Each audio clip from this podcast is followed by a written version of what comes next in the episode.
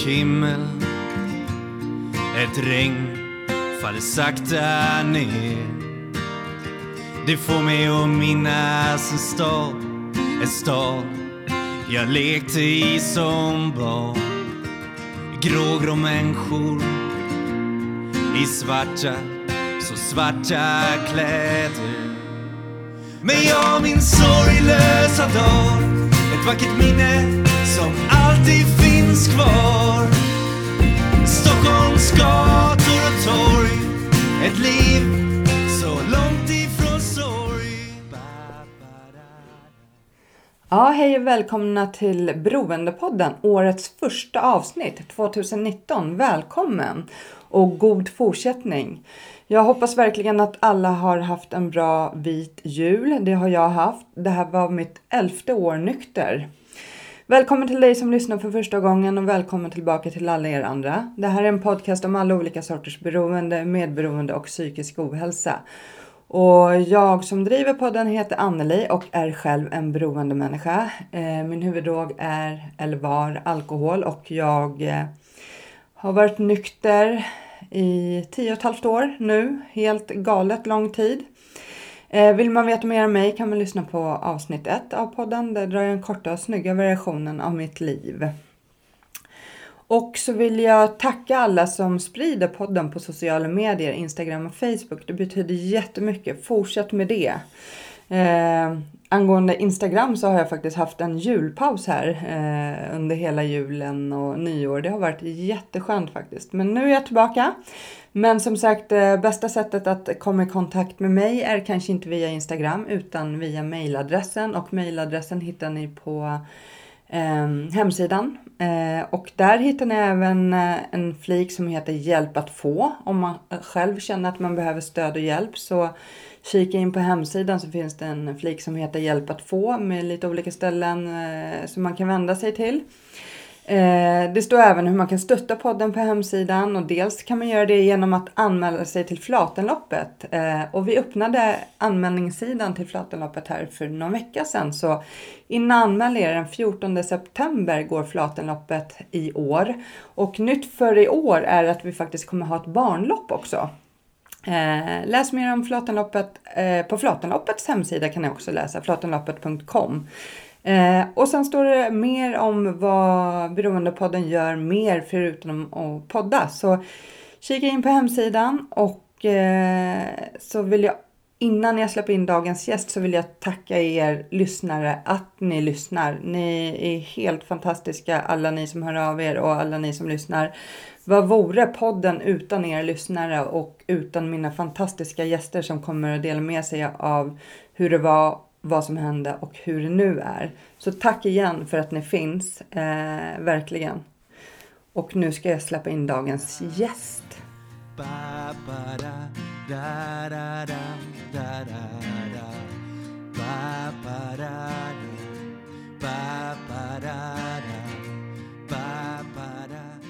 Ja, välkommen till Beroendepodden Rickard Lagerqvist.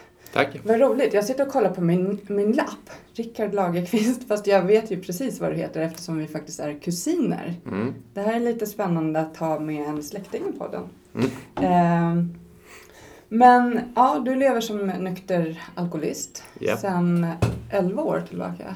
Ja, 17 mars eh, 2007 är min eh, nykterhetsdag. Ja. Så du har, ja, eh, du var ett år före mig, eller mer än det faktiskt. Mm. Eh, Så jag har fått ta rygg på dig. Men du är också en framgångsrik entreprenör och läkare och eh, grundare för VR Labs och Mindler som eh, kom igång nu i somras va? Ja, i våras startade vi Mindler. Jag tillsammans med två psykologer Mm. såg att det fanns det fanns jättemycket att göra inom psykisk ohälsa, precis som du själv gör. Eh, men eh, vi fokuserade på att skapa en, en tjänst där man lätt eh, skulle kunna få hjälp.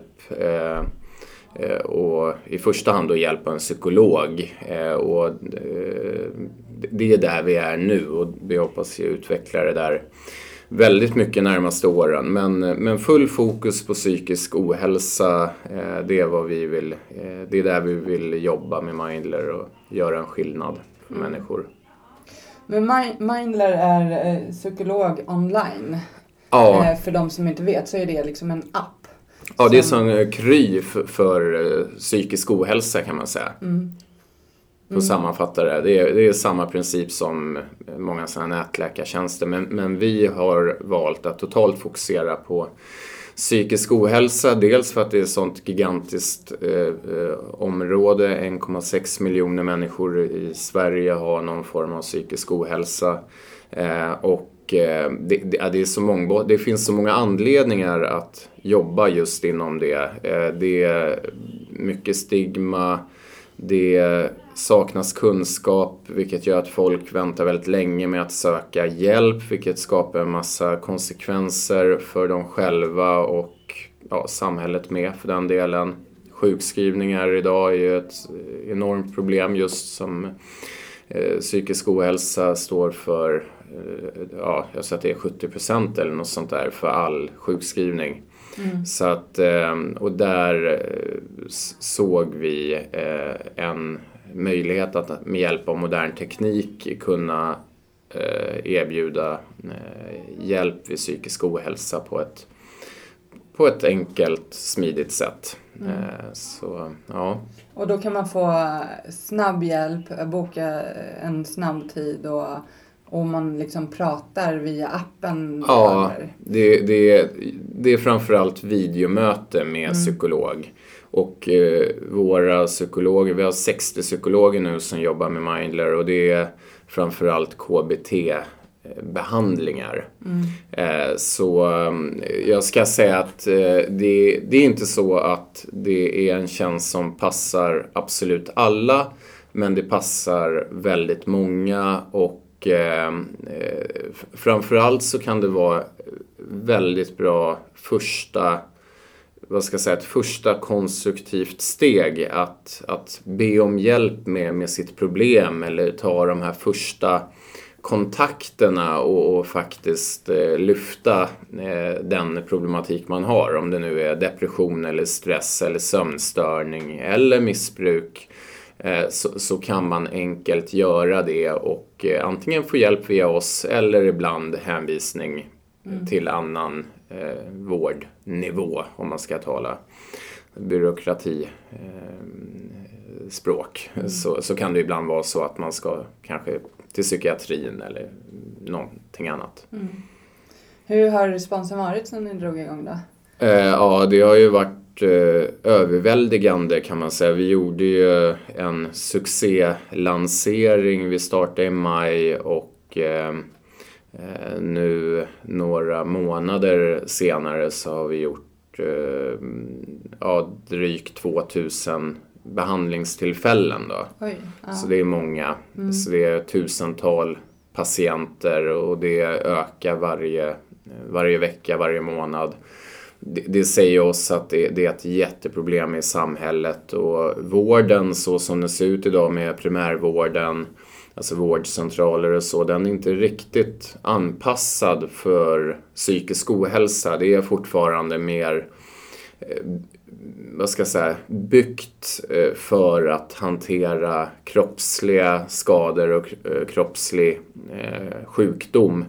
Eh, så att det finns ju eh, brister eh, just vid, vid förbehandling av psykisk ohälsa. Och där hoppas vi komma in som ett komplement till vårdcentralerna. För att läkarkontakter, kuratorkontakter, allt är ju fortfarande jätte, jätteviktigt. Men den psykologiska interventionen att, att på ett strukturerat sätt få hjälp eh, av en psykolog eh, är fortfarande en jätteviktig del av behandlingen för många eh, psykiska åkommor, inte alla.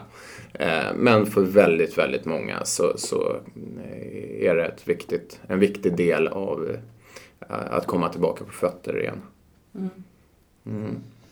Ja, och som, ja, det är ett jättebra jobb ni gör med det där tycker jag. Och ibland kan det ju vara alltså det där första steget, att be om hjälp. Ja. Kanske blir mycket lättare Ja. när den här möjligheten finns. Exakt. Vi vill ju sänka alla trösklar. Man kan säga att det är en kombination av att eh, göra det så enkelt som möjligt att be om hjälp.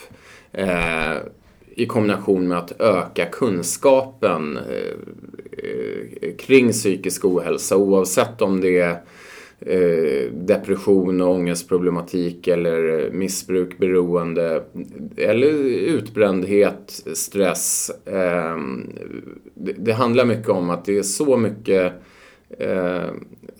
skam, skam och till viss del skuld som står i vägen för människor att be om hjälp.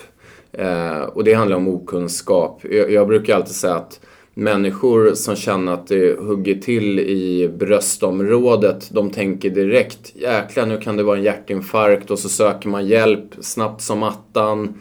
Eh, man är jätterädd att det kan vara något allvarligt med hjärtat.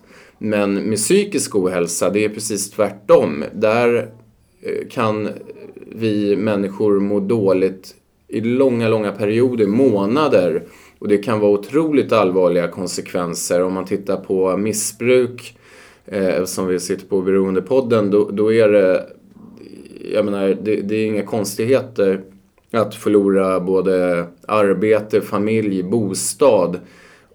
Och det är inte ens säkert att man då ber om hjälp eller eh, är öppen för att eh, ta in hjälp. Mm. Eh, och, det, och det måste ju bero på någonting och en viktig faktor är ju kunskapen. Så att det, det är viktigt att avdramatisera hela området med psykisk ohälsa, lyfta upp det bredvid den kroppsliga eh, ja, sjukdomspanoramat och se det som eh, någonting eh, som vi alla eh, kan eh, och sannolikt kommer drabbas av någon, någon gång under livet. Och när det händer tar man hjälp snabbt, tidigt och på så sätt får man bättre resultat på behandlingar. Man kan undvika de allvarligaste konsekvenserna och sådär.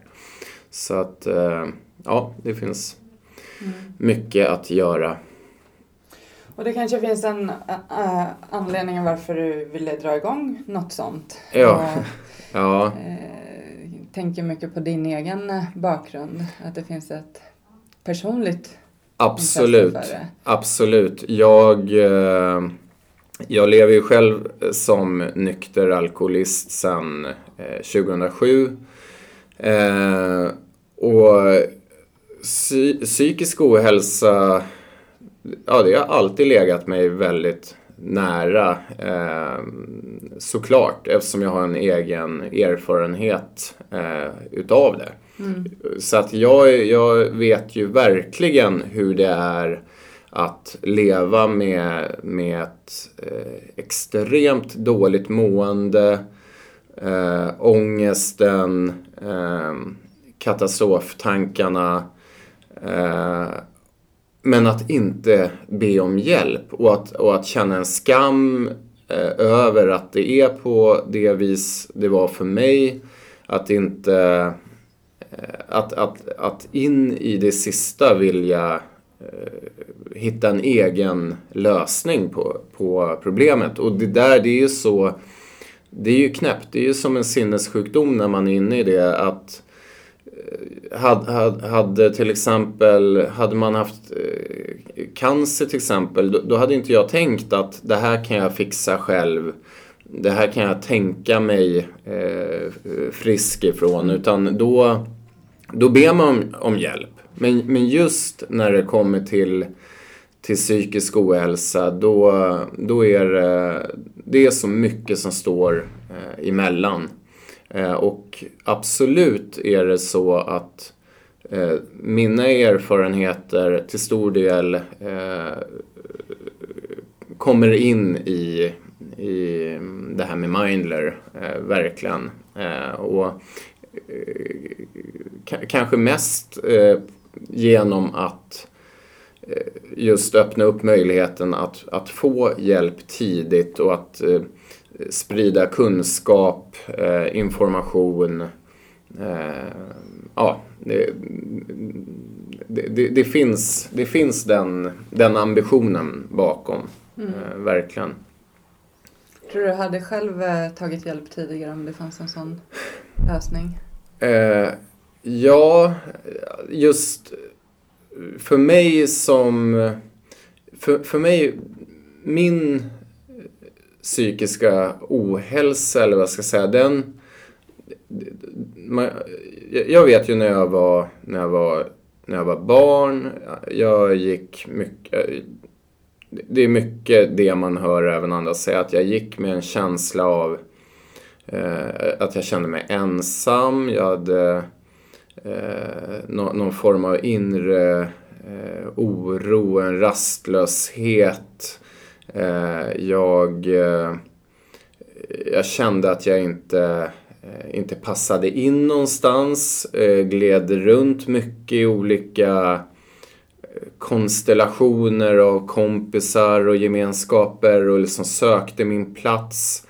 Eh, och i det läget, då, jag visste ju inte vad, vad det var som var fel så att säga. Och, och sen, eh, sen hade, hade vi i min familj en erfarenhet också av alkoholmissbruk och beroende. Och, och det ironiska är att det gjorde att jag själv hatade ju alkohol. Och jag tyckte oerhört illa om, om alkohol. Och jag vet när mina kompisar under min uppväxt började dricka folköl och sådär, då, då kände jag att det där, det, det kommer jag aldrig göra. Och vilka idioter som gör det. För jag hade ju sett det där på nära håll och jag tyckte bara att det var eh, äckligt alltså. Så att, mm. eh, men, men men det var ändå någonting hos mig. Jag har alltid varit, vad ska man säga, en sökare och letat, eh, letat efter den här eh,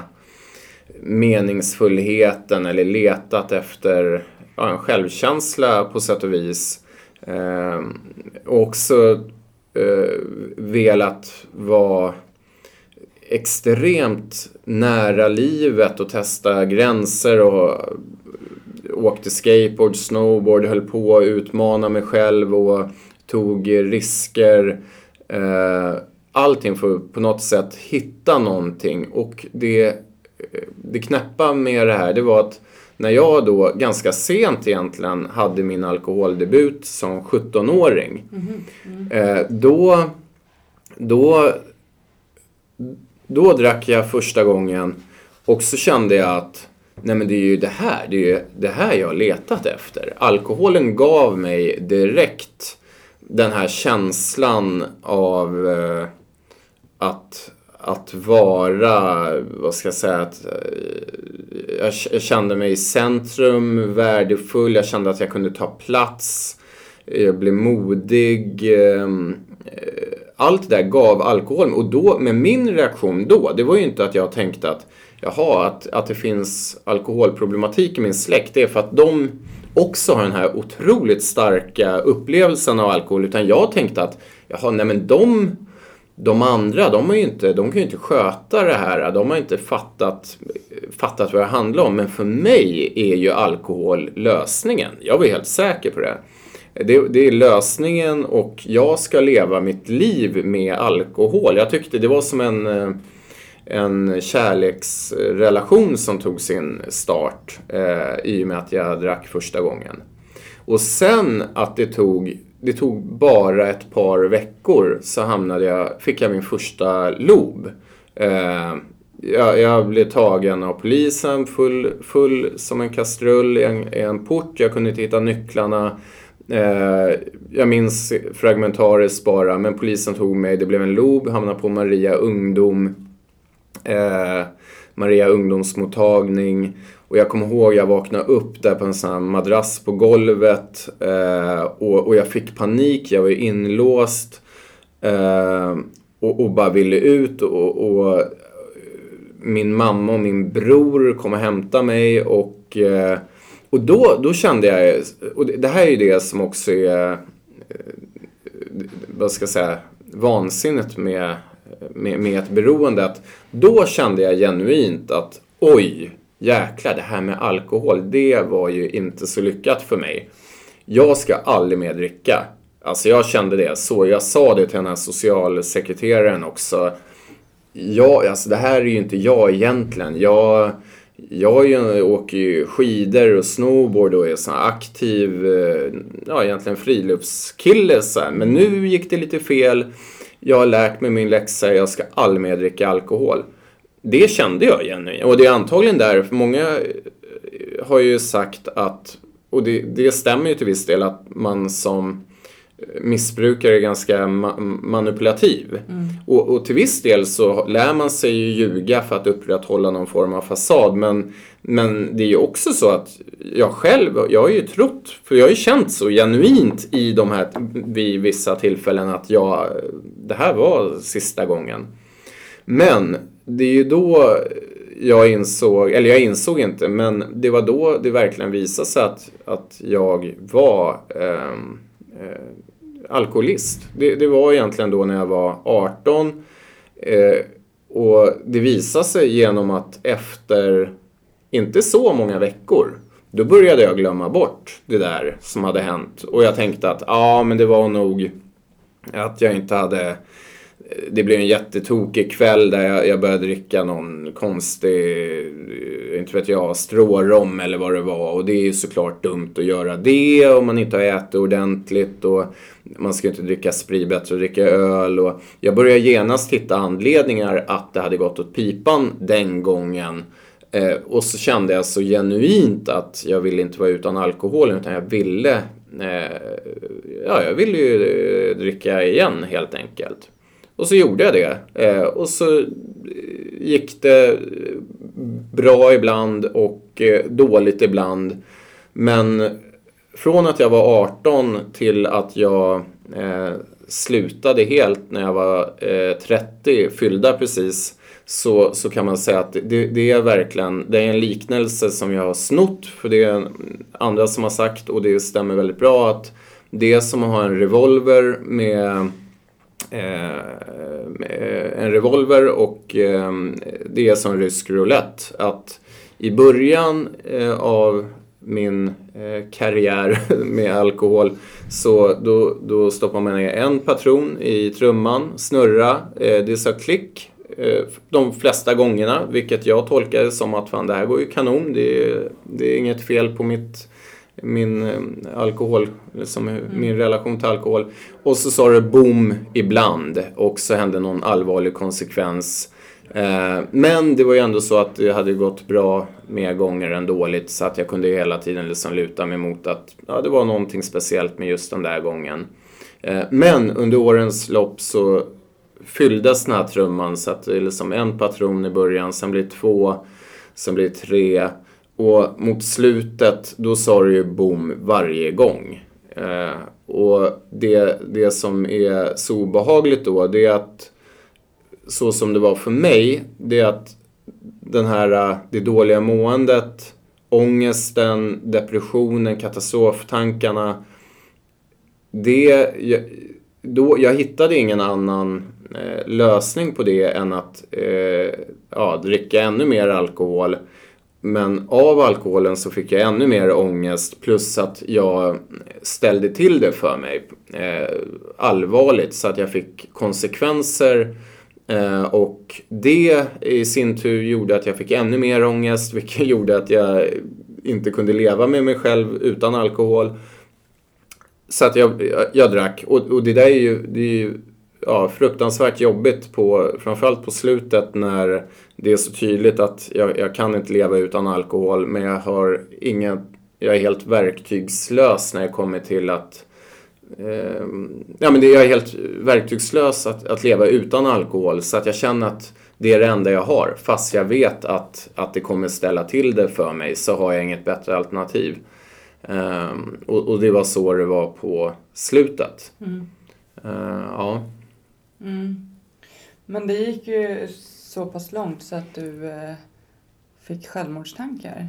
Ja, Absolut. Ja, jag levde med självmordstankar sista åren och gjorde en del tafatta eh, försök. Lyckligtvis misslyckades jag ofta just för att jag var så jävla full. Mm. så att, eh, vilket ju är tur eh, på sätt och vis då. Men eh, eh, det var också sista gången jag drack. Det, det var då, då hade jag eh, ja, kört på eller vad man ska säga egentligen sammanhängande under ett par månader. Och då hade jag fallit ur eh, min, eh, min utbildning, jag hade inte varit där. Eh, och eh, drack varje dag. Och det där kulminerade i att jag Eh, egentligen fann mig själv stående på fjärde våningen i, i mitt fönster i min lägenhet tittade ner på gården och jag kände en, en egentligen en varm välkomnande känsla. Jag, jag, jag, eh, jag, jag ville, eh, jag ville verkligen hoppa och eh,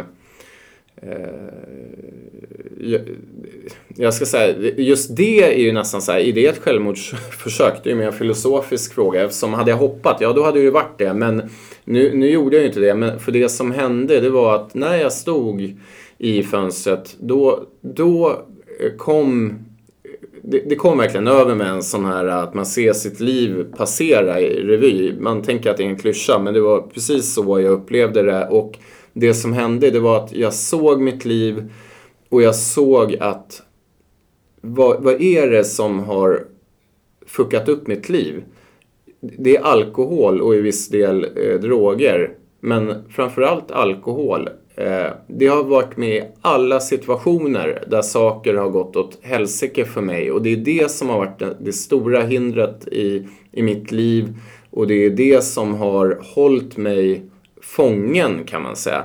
Eh, det blev jätte, jättetydligt och då kom det över mig en, en känsla av att men alltså om jag för en gångs skull skulle verkligen be om hjälp med, med, med med min alkoholism. Om jag, om jag för en gångs skull verkligen helhjärtat skulle be om hjälp och ta hjälp så kanske det finns en chans även för mig.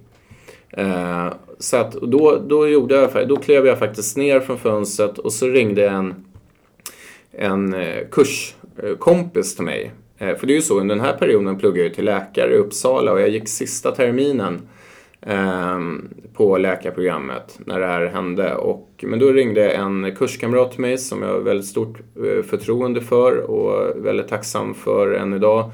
Och så ringde jag upp honom och så sa jag, Henrik, jag, eh, jag bara ringde upp, Henrik, jag är alkoholist, jag vet inte vad jag ska göra eh, och jag, eh, jag är helt körd, jag, jag måste ha hjälp. Och han, han är så här cool norrlänning så han sa bara Ja, jag, jag vet det där, jag vet det där. Men bara stanna hemma, jag ringer tillbaka eh, om en liten stund så ska vi ordna någonting. Och det, det gjorde han. Han ringde upp efter en kort stund och då hade han ordnat en, ja, ett besök då till en beroendemottagning i, i Uppsala. Mm. Eh, och det är egentligen på den vägen eh, som jag blev nykter. Eh, och, och då ska jag säga att jag har ju varit på massor av avgiftningar och gått behandlingar i öppenvård och så men jag har inte... Det, tidigare hade det aldrig landat i någon bestående som nykterhet och så. så att, eh, Men du hade alltså bett om hjälp innan? Eller liksom na, alltså, vänt dig? Eller? Ja, eller då, ofta det som hände det var ju att jag hamnade på någon avgiftning och via avgiftningen då hamnade ja. på någon behandling. Så det var inte så mycket att jag eh, hade bett om hjälp på det sättet. Mm. Utan en del gjorde jag ju för att ja, för mina anhöriga skull sådär att mm. ja, ja, visst jag gör det här eh, lite grann för deras skull och, och så men eh, och, och, vem vet, de behandlingarna och liksom vårdkontakterna jag själv hade, de kanske tillsammans ändå fyllde en roll senare för att det skulle ta skruv eh, när jag väl blev nykter. Då. Och sen, det har ju varit svårt för mig för att vi, vi talade om det här innan. Jag har ju jag har ju inte någon sån här eh, liksom kriminell bakgrund. Jag har inte en superdyssig uppväxt på det sättet som jag vet att många andra eh, har. Eh, utan, och, och likadant med eh, jobb och karriär. Jag har ju alltid varit entreprenör. Eh, startade ju restaurang och nattklubb när jag var 22. Eh, restaurang mitt i Stockholm. Eh, jag började plugga till läkare. Eh, och jag, jag lyckades ju upprätthålla den här fasaden. Men, men det var nog också det som hjälpte mig att nå min botten. Att det var särskilt på slutet så jag lutade mig så hårt att det kan inte vara så illa för mig eftersom jag ändå, jag pluggar ju ändå, jag pluggar till läkare. Det, hur svårt, eller hur stora problem kan man ha om man kan göra det? Men jag insåg inte då att man kan ha gigantiska problem eh, och ändå göra det. Eh, så att eh, det, det är ingen garanti för någonting. Och det där, det vet jag, det kan, en del kan använda det som förevändning att ja, men det kan inte varit så allvarligt för den personen har gjort det eller den har lyckats ju med det här. Det har ingenting med saken att göra egentligen. Man kan åstadkomma precis vad som helst. Sannolikt mer när man är sådär äh, eh, ångestdriven så, som man kan vara i, i perioder. Eh, I alla fall som jag var eh, sista åren där. Så att... Eh, men... Eh, ja.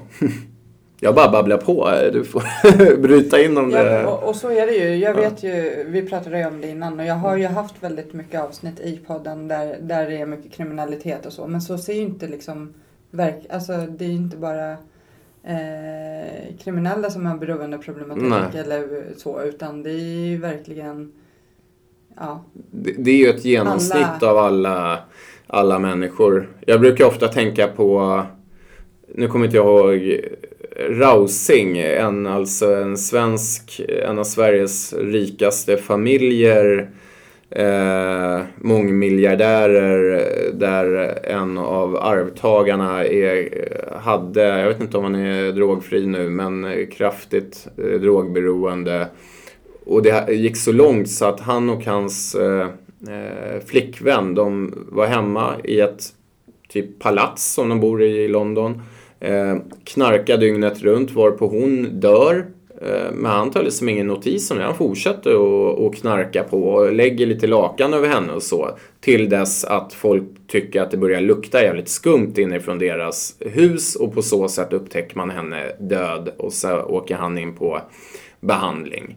Och, och det är ju ganska talande eh, för att det, det är liksom slott och koja, beroendeproblematiken eller psykisk ohälsa för den delen tar ju ingen som helst hänsyn till eh, yttre omständigheter. Sen kan det ju vara så att man kan nästan vända på det och att ibland om man har väldigt bra vad ska jag säga, resurser omkring sig, då har man ju också förmågan att, att dölja ett missbruk mycket längre.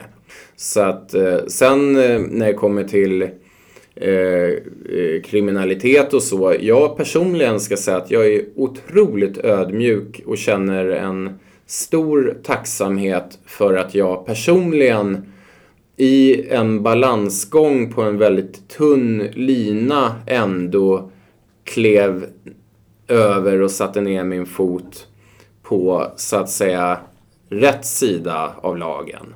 För att det är ingen självklarhet och jag känner att jag hade lika gärna kunnat hamna på eh, ja, vilken sida som helst egentligen. Det, det, det är mer eh, omständigheter och, och i viss eh, mån tur. Eh, Så att jag är väldigt ödmjuk, från det, eh, ödmjuk inför det eh, också. Verkligen alltså. Så att det, det är små... Och det kan jag känna när jag går, när jag går runt i Stockholm. Eh, man ser uteliggare, pundare, eh, människor som tigger, människor som verkligen lever på samhällets skuggsida. Och jag, det är inte så att jag tittar på dem och tänker så här, åh, de har inte tagit vara på sina resurser eller de, de hade också en chans. Eh, utan jag, jag känner verkligen att det, det är små, små eh, vad ska jag säga, s- små eh, kurvor på livets väg som, som kan räcka för att man hamnar på, det, det räcker med att få en liten sladd eh, i en sån kurva så, så kan man hamna i vilken situation som helst egentligen alltså. Ja men så är det ju och jag vet ju, jag, jag har inte heller varit direkt kriminell. Däremot så har jag ju umgås med lite busar och så här under min aktiva tid. Men jag vet att när jag nådde min botten, det, då hade jag också ett sånt här uppvaknande där jag såg hela eh, livet Ja. spelas upp på en film. Vad som Mm. skulle hända i framtiden. Och, och vid det tillfället så hade ju alkoholen slutat fungera och jag hade börjat ta lite tyngre droger. Ja, Eh, det hände inte ofta men det hände. Och där någonstans förstod jag ju att ska jag fortsätta med de här tyngre drogerna så måste jag nog bli Ja. kriminell. För Ja, jag ja. har inte råd annars. nej. Och det var liksom en botten för mig. Att Ja. jag förstod att ska jag fortsätta med det här för att döva min ångest och mitt eh, fly från mina Ja. känslor så, så måste jag göra någonting som jag inte vill. Så, och, och tanken, jag stod ju där. Mm. Okej, hur ska jag göra? Ska jag välja det? Mm. Och eftersom drogen är så pass stark Ja. och man är rädd för det andra kanske Ja. så kan det ju bli otroligt lätt att man då väljer att ta det steget. ja, ja visst. Jag lyckades ju eh, som tur var också Ja. ta ett annat steg som Mm. jag är otroligt tacksam för. Men jag vet att det var min tanke liksom. Absolut. Och det är ju Ja. jättesmå eh, tillfälligheter ofta som kanske gör att man ändå fattade, i ditt fall, det kloka beslutet så att säga. Eh, och att, eh, det, men det är också ganska bra exempel på att, att det här med missbruk och beroende, att det verkligen är en sjukdom. För det blir ju väldigt, väldigt tydligt att en, så som vi sitter nu, då är ju det där valet ju ganska så här klart. Jaha, ska jag bli kriminell för att ha råd med tyngre droger? Det är liksom inte, det finns inte någon större logik i det. Men när man är inne i miss, då är ju det ändå så här ett rimligt så här, ja men okej, ja men det är kanske så här, men om jag gör lite sådana där grejer istället, ja då är man kriminell. Men å andra sidan kommer jag få loss pengar till det här. Då är det en logik i det. Men det visar ju vilken, hur kidnappad hjärnan verkligen är när man är miss, mitt uppe i missbruket. Ja. Men vad hände sen då? Du blev nykter men eh, har resan varit spikrak? Vad fick du för hjälp? Eller vad tog du för hjälp? Ja, alltså jag, jag skulle nog säga att den har varit relativt spikrak faktiskt. Eh, Så tillvida att jag var helt slagen Mm. den gången när jag verkligen, där 17 mars eh, 2007. Ehm, och det som hände det var att jag kom till eh, eh nu tappade jag hans förnamn. Peter Schultzer tror han hette. En docent i eh, psykiatri som jobbar på eh, Beroendecentrum i Uppsala. Och det som var paradoxalt nog, det var att eh, han tyckte direkt att jag, jag skulle gå på 12 stegs självhjälpsmöten. Jag, jag säger så nu eftersom det ändå är en viss anonymitet som omger eh, dessa grupper. Eh, men den typen av eh, behandling skulle jag, skulle jag gå. Och eh, jag var helt slagen. Tidigare hade jag ju avfärdat just den typen av eh, behandling eh, totalt. Eh, men jag var helt slagen, jag var beredd att göra exakt vad som helst. Så att jag gick på mitt eh, första möte ehm, och ehm, jag kommer ihåg det så väl för att jag kände att det här kommer bli en avgörande del i mitt liv. Alltså det kändes som att det, det, det, det fanns en betydelse. Så jag kom till det här mötet. Eh, jag gick runt det här huset, runt kvarteret, säkert fem varv innan jag vågade kliva över tröskeln. Och det sjuka är att när jag klev över tröskeln så på, på, på, eh, på det mötet så, så kände jag också att nu, nu händer något. Eh, nu, nu, det här kommer ha en stor betydelse för mitt liv. Eh, och eh, så hamnade jag på, på mitt, eh, mitt första eh, tolvstegsmöte. Och eh, och det har ju haft en oerhörd betydelse på mitt liv. Eh, så att jag, känslan var ju rätt så att säga. Eh, sen, sen har ju åren gått. Jag, eh, eh, jag har alltid fortsatt att gå på Eh, på möten. Eh, det, det, mm, det, bygger mycket på att man dels eh, tar en sponsor själv, alltså någon som har gått före, gjort de här bitarna, gjort de här stegen som kan lära en det. Och det har jag haft och jag har också haft sådana som är nya, som kommer in, som är lika vilsna som jag var när jag kom in och så har jag kunnat hjälpa dem på vägen. Ehm, och jag eh, det som, man kan säga just med tolvstegsprogrammet att det, det handlar ju egentligen mycket om personlig utveckling. Det handlar ju om att lära känna sig själv. Eh, det är ju så när jag blev nykter eh, 30 år gammal, jag var ju i princip på en 18-årings mentala nivå. Eftersom har man alkohol att ta till, då behöver man aldrig lära sig att hantera känslor. Man behöver inte lära sig om hur det är att bli dumpad eller klara av eh, svåra motgångar eller stora framgångar. Ehm, utan man har alltid haft alkoholen. Så allt det där har jag fått eh, lära mig egentligen i vuxen ålder nu. Eh, och, eh, eh, men, men det, där finns det en lösning just i tolvstegsprogrammet att, att jobba med de här bitarna. Eh, och, och, jag är jättetacksam över de insikterna man får. Eh, jag har lärt känna mig själv. Eh, jag vet mycket väl vad som är mina starka sidor, vad som är mina svaga sidor. Ehm, och det är ju en stor nytta nu idag när jag är entreprenör till exempel. Eh, jag vet vilka situationer som jag är stark och kan göra en stor förändring och jag vet när jag ska ta några steg tillbaka. Eh, Eh, och sen ska jag säga att jag jobbar ju också som eh, läkare och det var ju också det var otroligt mycket rädsla i början, särskilt med läkarjobb. Jag var så rädd att, att att det skulle komma fram att jag var nykter alkoholist. Eh, livrädd för det alltså under många år. Mm.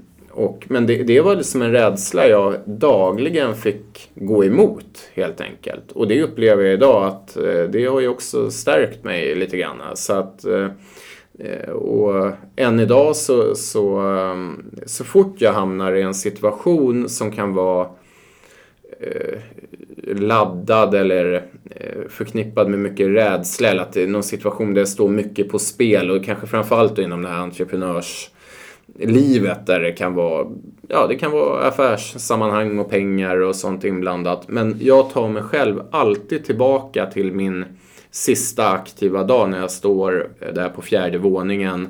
Ehm, och då, jag kan säga att det är ju allting bara blek. Alltså det finns ju ingenting som Eh, Eh, jag vet inte hur jag ska säga, men eh, har man en gång genuint känt döden flämta en i nacken och att det är så, så nära, då, då finns det egentligen ingenting som är särskilt läskigt. Inte med livet i alla fall. Så, att, eh, så det är också, jag är väldigt tacksam över min historia och det, i mitt läkarjobb har det ju varit en otrolig tillgång att, att ha en egen erfarenhet. Jag tycker att det är rätt kul däremot, för det händer ju väldigt ofta när jag till exempel inte vill skriva ut eh, benzo starka mediciner, vilket jag är ganska restriktiv. Jag brukar säga att man drar ju lite av en nitlott om man just kommer till mig om man vill ha eh, beroendeframkallande läkemedel. Ja. Men eh, jag har ju fått höra jättemånga gånger så här, av missnöjda patienter som inte riktigt har fått eh, Sanor som de hade velat eller Stesolid eller vad det kan vara.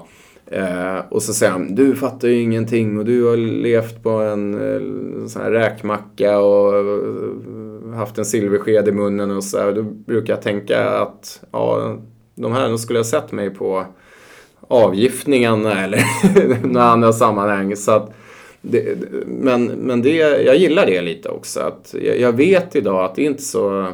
Jag är inte... Det här är ju första Eh, gången som jag egentligen ja, talar på ett sätt så att jag, någon annan än närmast sörjande kan höra och det har ju suttit långt inne eh, faktiskt. Jag har velat vara anonym. Jag har inte sett någon riktig mening med att eh, ja, sitta och babbla om de här bitarna. Eh, men nu kan jag se en, en mening just av det skälet att jag önskar så att människor just i de här tidiga skedena, skeendena när, när saker börjar gå snett eller man, man har mått dåligt lite för länge, att man ber om hjälp. Och det spelar knappt någon roll vilken typ av hjälp man, man ber om, bara man tar någon form av första konstruktivt steg och lita på att det steget kommer leda till andra steg. För det kommer vara så att oavsett vilken typ av problem man har så är det kanske inte första gången man ber om hjälp som man kommer hamna rätt på en gång.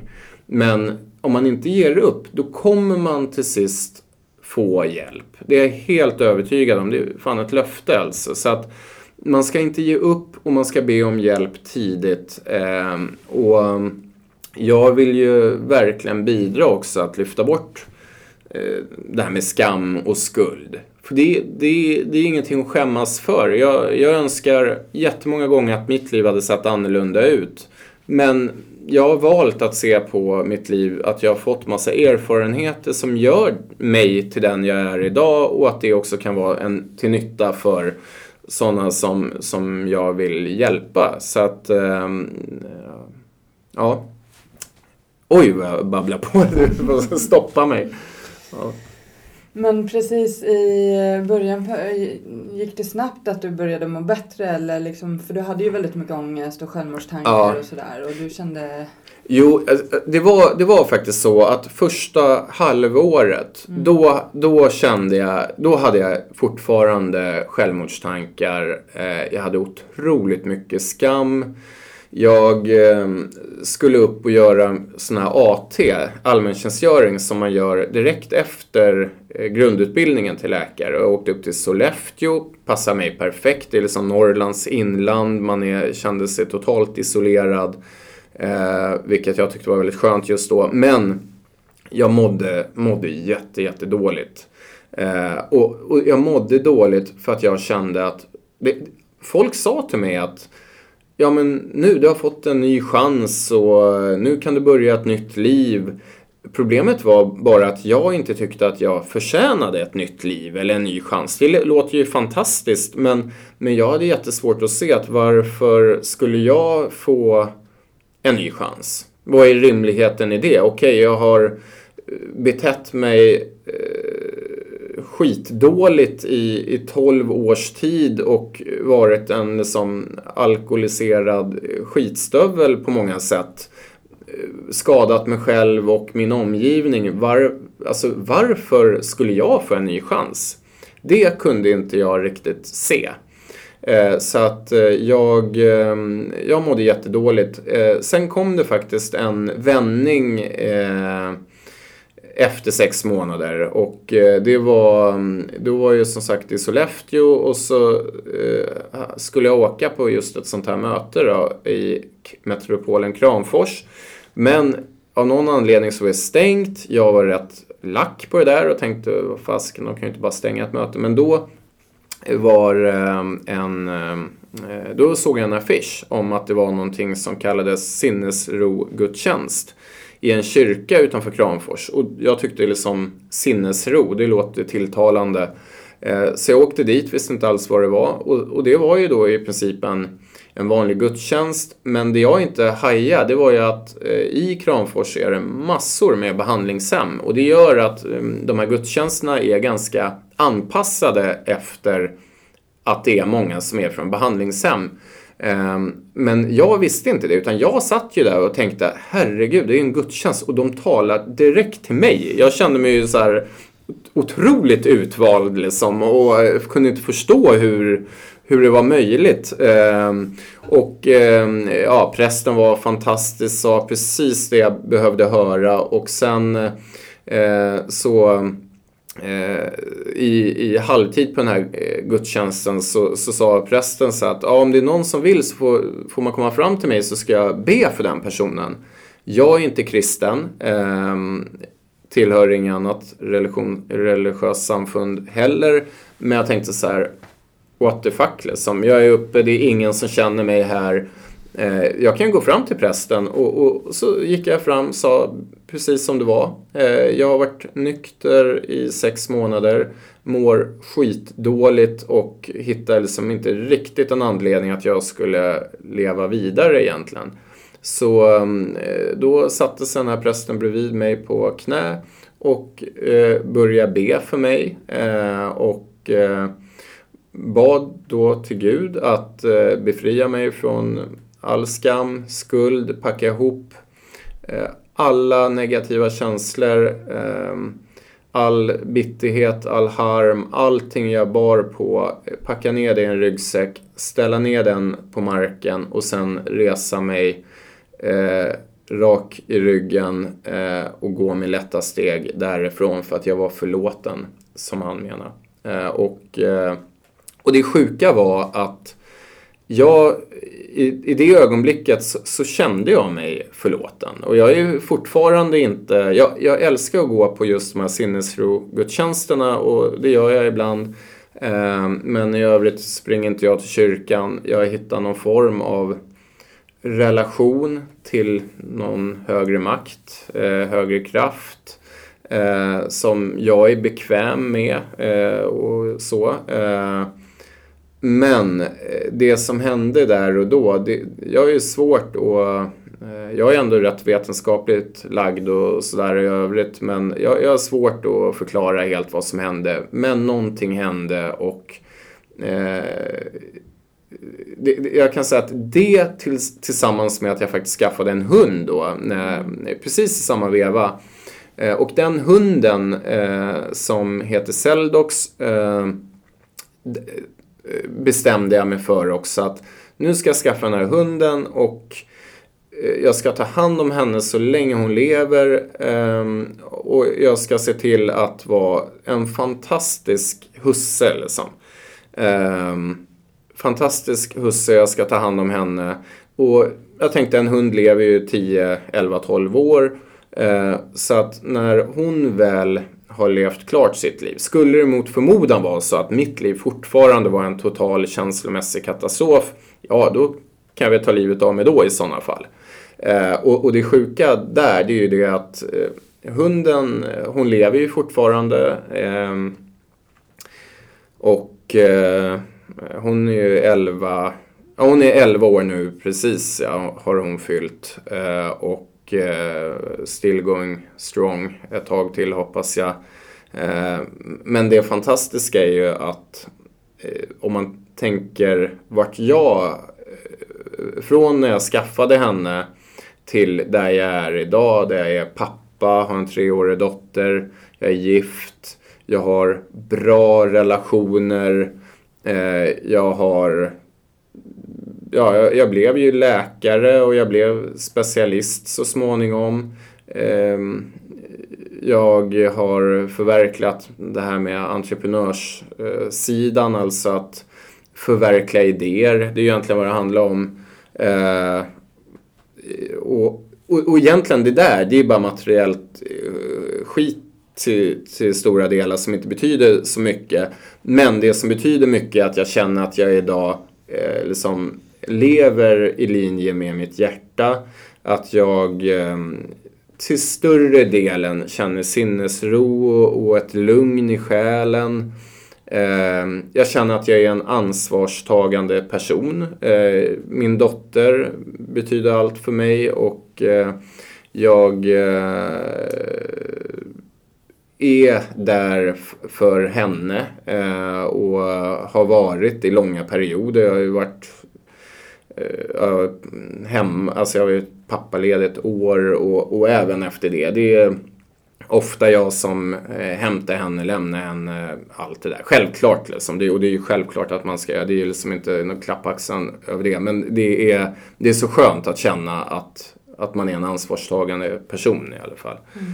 Så, um, så det är häftigt. Och voven hänger ju med som sagt. Så att, och, och eh, motgångar, det, det, är klart det har varit det. Det har varit eh, allt ifrån, jag menar tidigare i, i nykterheten, jag kommer ihåg jag blev dumpad eh, vid ett tillfälle, då var jag tre års nykter och sånt där. Jag kunde inte hantera det. det var ju, jag var ju som en fjortis alltså. Eh, pinsamt nu när jag tänker tillbaka.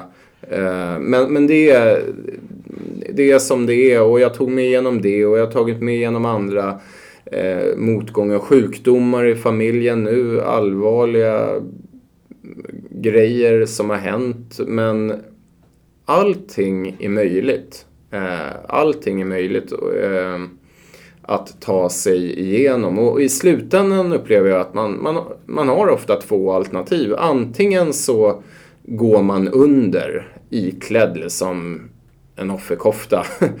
Eller så blir man tvungen att ta sig vidare. Det, det, är, det är bara så. Och, eh, men, men, med det sagt så, så behöver man ju hjälp. Det är inte så att man klarar eh, saker och ting själv. Och jag har ju behövt hjälp under de här sista 11 och ett halvt åren.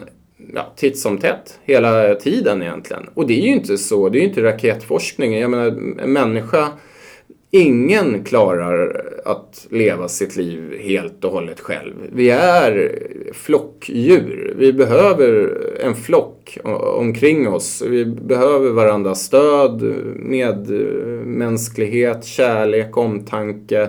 Vi behöver ge omtanke, kärlek. Vi behöver känna en meningsfull meningsfullhet. Eh, att man känner att det jag gör är viktigt, det betyder någonting. Man behöver bli sedd. Nu i dessa tider är det ju ofta så här, åh vilket stort bekräftelsebehov den eller han eller hon har och så här. Det är inte vi, vi, vi har bekräftelsebehov. Vi behöver bli sedda eh, som människor. Och sen är det klart att det där kan ju spåra ur som allt annat. Men, men i, i grunden är ju det eh, ganska basalt. Eh, så att eh, men, men ehm, så, och, och, sen ska jag säga att egentligen är eh, framgångarna är ju nästan eh, kan ju vara farligare ibland än motgångarna. I alla fall när jag har sett människor i min omgivning som har eh, tagit återfall till exempel. Då har ju det väldigt ofta varit hängt ihop med att det har gått jävligt bra. Man har tänkt så här, ja nu allting går ju tipptopp. Jag liksom jobbat upp något eh, företag eller eh, nu har jag mm, köpt schysst lägenhet eller eh, bil. Man har familj, jobbet tickar på.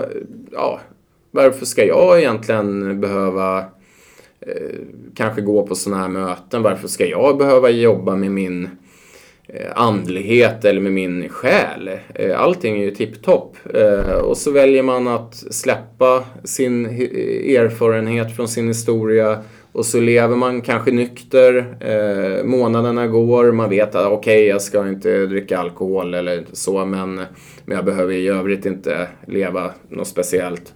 Och så plötsligt så hamnar man på en fest och, och så är det en öl i näven eller ett glas vin eller champagne, man ska fira någonting och det är väl klart att man ska vara med alla andra och så har man glömt bort att fan det går ju inte. Om man är nykter, det går ju inte. Då kan man inte ta det första glaset. Så enkelt är det.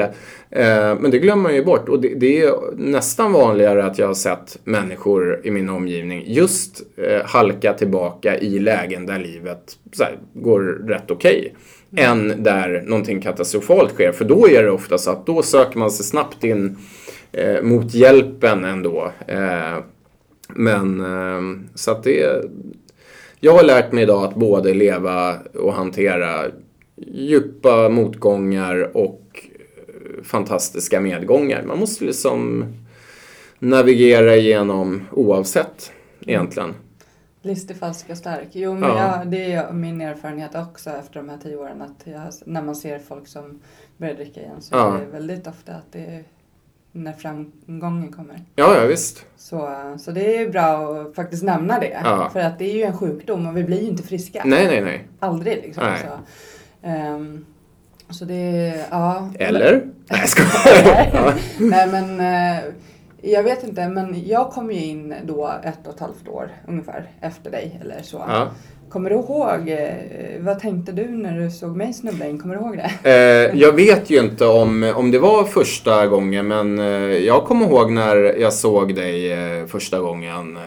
Som jag såg dig första gången alltså. Sen om det var din första gång, det vet jag inte Mm. Nej, det var det inte. Nej, Jag vet att du inte var där första gången. nej okej. Nej men... det var första ehm, gången du såg mig på... Absolut. Nej, jag, eh, jag tänkte inte så mycket mer än att jag blev, eh, blev väldigt glad. Eh, Det är egentligen det jag kommer ihåg. Att, att jag blev glad att se dig där. Inte så för att jag visste precis hur illa ställt det hade varit med dig. Men efter ett år, då hade jag i alla fall kommit så långt med min er, kunskap kring det här att jag insåg att det spelar ingen roll vilken bild jag har haft av olika människor för att ofta när det kommer till missbruk då det döljer sig så otroligt mycket under ytan. Eh, så att jag bara utgår ifrån att eh, går man på eh, söker hjälp i liksom 12-stegs eh. Det, det är ingenting man gör sådär by accident. Utan det, då är det alltid så att då finns det mycket bakom. Eh, så att, nej, jag kommer ihåg att jag tyckte det var kul. Och det är ju också bara ett eh, bevis på att det, det är ju familje, eh, ja, familjesjukdomar det här och det, det är ju så. så att, För du, du är ju min kusin på mammas sida. Ja, din, exakt. Din Min- pappa är ju min morbror. Ja, Men jag har det ju på pappas sida också. just det. Så, Ja. så det, och det som har hänt på de här åren det är ju faktiskt att eh, ja, vi är några stycken som faktiskt i, i, på, i släkten som Absolut. har valt en annan väg. Det är ju Ja. så otroligt fint att se Absolut. att, eh, att det fungerar. Och, Ja. och du är väl den som gick först. Ja. ja. Så det är otroligt. Ja, jag är jättetacksam och jag var också väldigt... Jag visste inte riktigt att du hade de problemen. Det var Nej. väldigt tyst om det. ja. Eh, och så kan det ju vara liksom.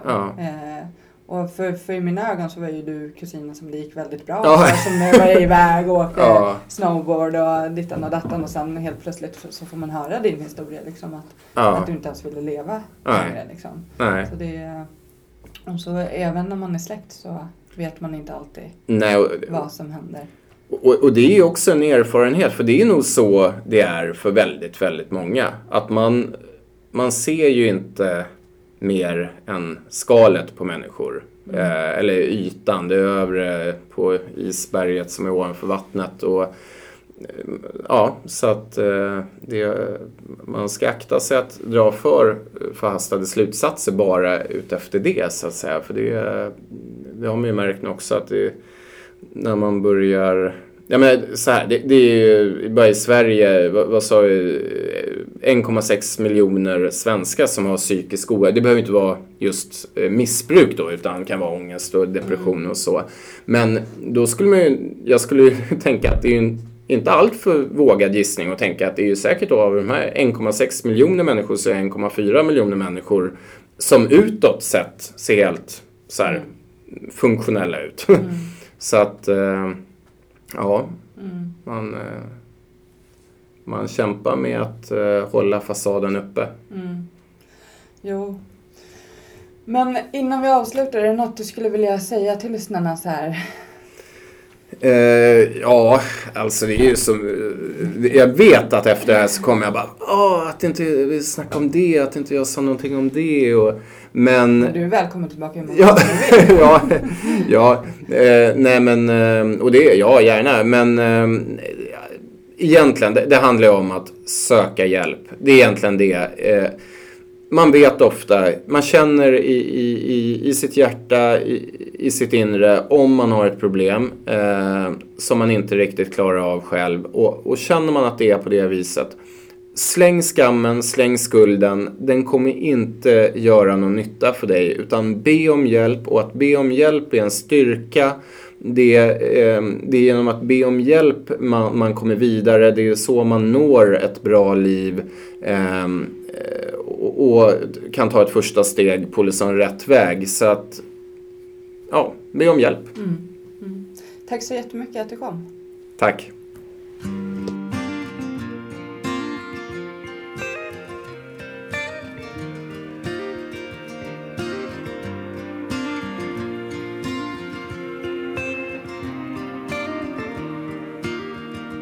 Mörk himmel, ett regn faller sakta ner. Det får mig att minnas en stad En stad jag lekte i som barn. Grågrå människor i svarta, så svarta kläder. Men jag min sorglösa dag Ett vackert minne som alltid finns kvar. Gator och torg Ett liv så långt ifrån sorg ba, ba, da, da. Ba, ba, da, da. Ba, ba, da, da, da, da, da, da, da. Ba, ba, da, da. Ba, ba, da, da. Ba, ba, da, da, da, da, En dyster T-baneperrong Ett liv inrutat i betong. Stäng ut det andra med musik. Fokusera allt på att bli rik. Här finns en dyster atmosfär. Ett liv kretsat kring karriär. Men jag min sorglösa dag. Ett vackert minne som alltid finns kvar Stockholms gator och torg Ett liv så långt ifrån sorg ba, ba, da, da. Ba, ba, da, da. Ba, ba, da, da, da, da, da, da, da. Ba, ba, da, da. Ba, ba, da, da.